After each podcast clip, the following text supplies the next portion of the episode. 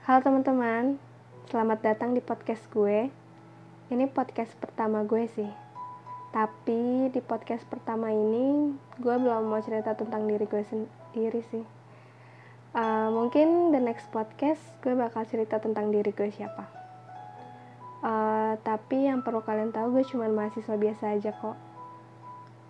Oke, gue lanjut ya. Di sini sebenarnya gue pengen cerita sedikit perihal percaya diri yang secukupnya. Gue berharap banget setelah kalian mendengarkan podcast ini, kita akan lebih menjadi diri kita sendiri. Kalau ditanya ini pengalaman gue atau bukan, uh, mungkin bisa jadi iya sih. Atau enggak, eh enggak tahu sih. Ya pokoknya coba aja dengerin dulu ya. Oke, gue mulai ceritanya. Teman-teman pernah nggak sih ngerasa sedang berada di posisi di mana kita itu memiliki kepercayaan diri yang tinggi. Kita memiliki banyak teman. Kita merasa bahwa lingkungan sangat mendukung apa yang kita lakukan. Tapi ternyata semua itu telah membuat diri kita menjadi angkuh dan arogan. Dan kita merasa diri ini selalu benar dan tidak mau disalahkan. Secara tidak langsung ya. Bahkan tanpa sadar, Ternyata kita sudah menyakiti dan kehilangan bagian terpenting dalam hidup kita. Kita lupa akan fokus kecil namun berarti dalam kehidupan kita. Lalu kita sudah meminta maaf atas kelakuan kita sebelumnya. Namun apa daya, hati sudah terlanjur sakit. Dan kita ternyata sudah benar-benar kehilangan semuanya. Bahkan teman terdekat kita enggan untuk mendekat. Mungkin salah kita juga sih. Dan akhirnya kita kehilangan rasa percaya diri itu. Jatuh terpuruk, merasa di dunia ini sudah tidak ada yang ingin berteman dengan kita. Merasa seperti terpojokkan di dunia ini. Selalu merasa diri ini yang salah. Selalu merasa tidak ada yang senang dengan diri ini merasa semua menatap kejam ke arah kita.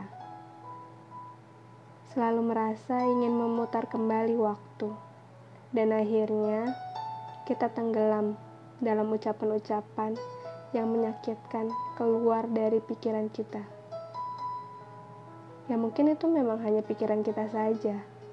Namun, hal itu membuat kita terpuruk dan tak ingin lagi melihat dunia. Waktu enggan untuk berhenti.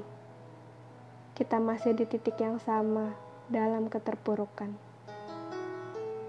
Seketika datang orang-orang yang memang benar mau menerima kekurangan kita, mau meraih tangan kita keluar dari semua keterpurukan, menggenggam tangan kita untuk berjalan bersama, melewati tatapan tajam orang-orang merangkul kita seakan berkata, "Kamu kuat dan bisa melewatinya."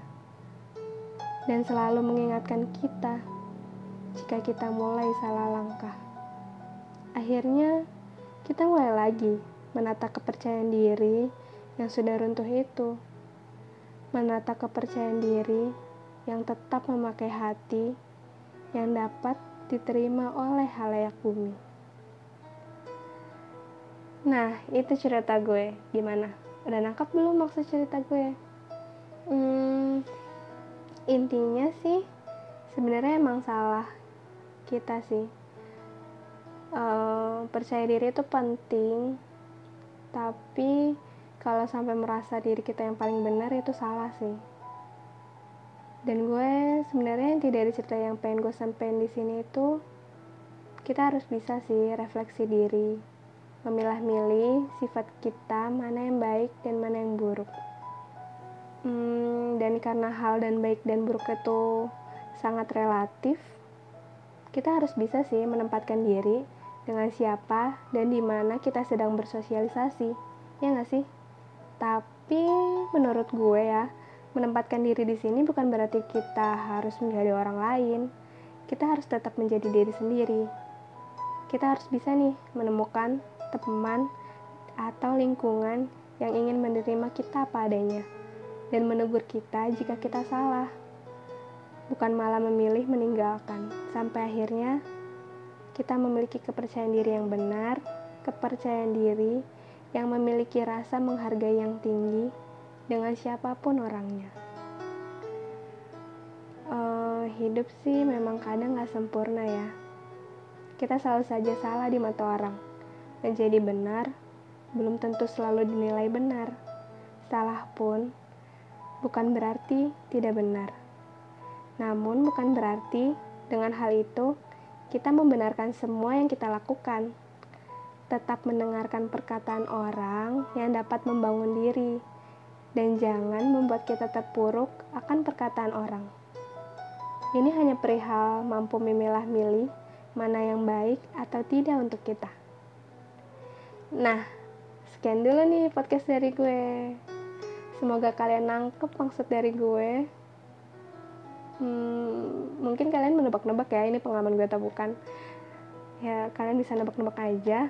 Tapi sampai ketemu lagi di cerita selanjutnya. Bye bye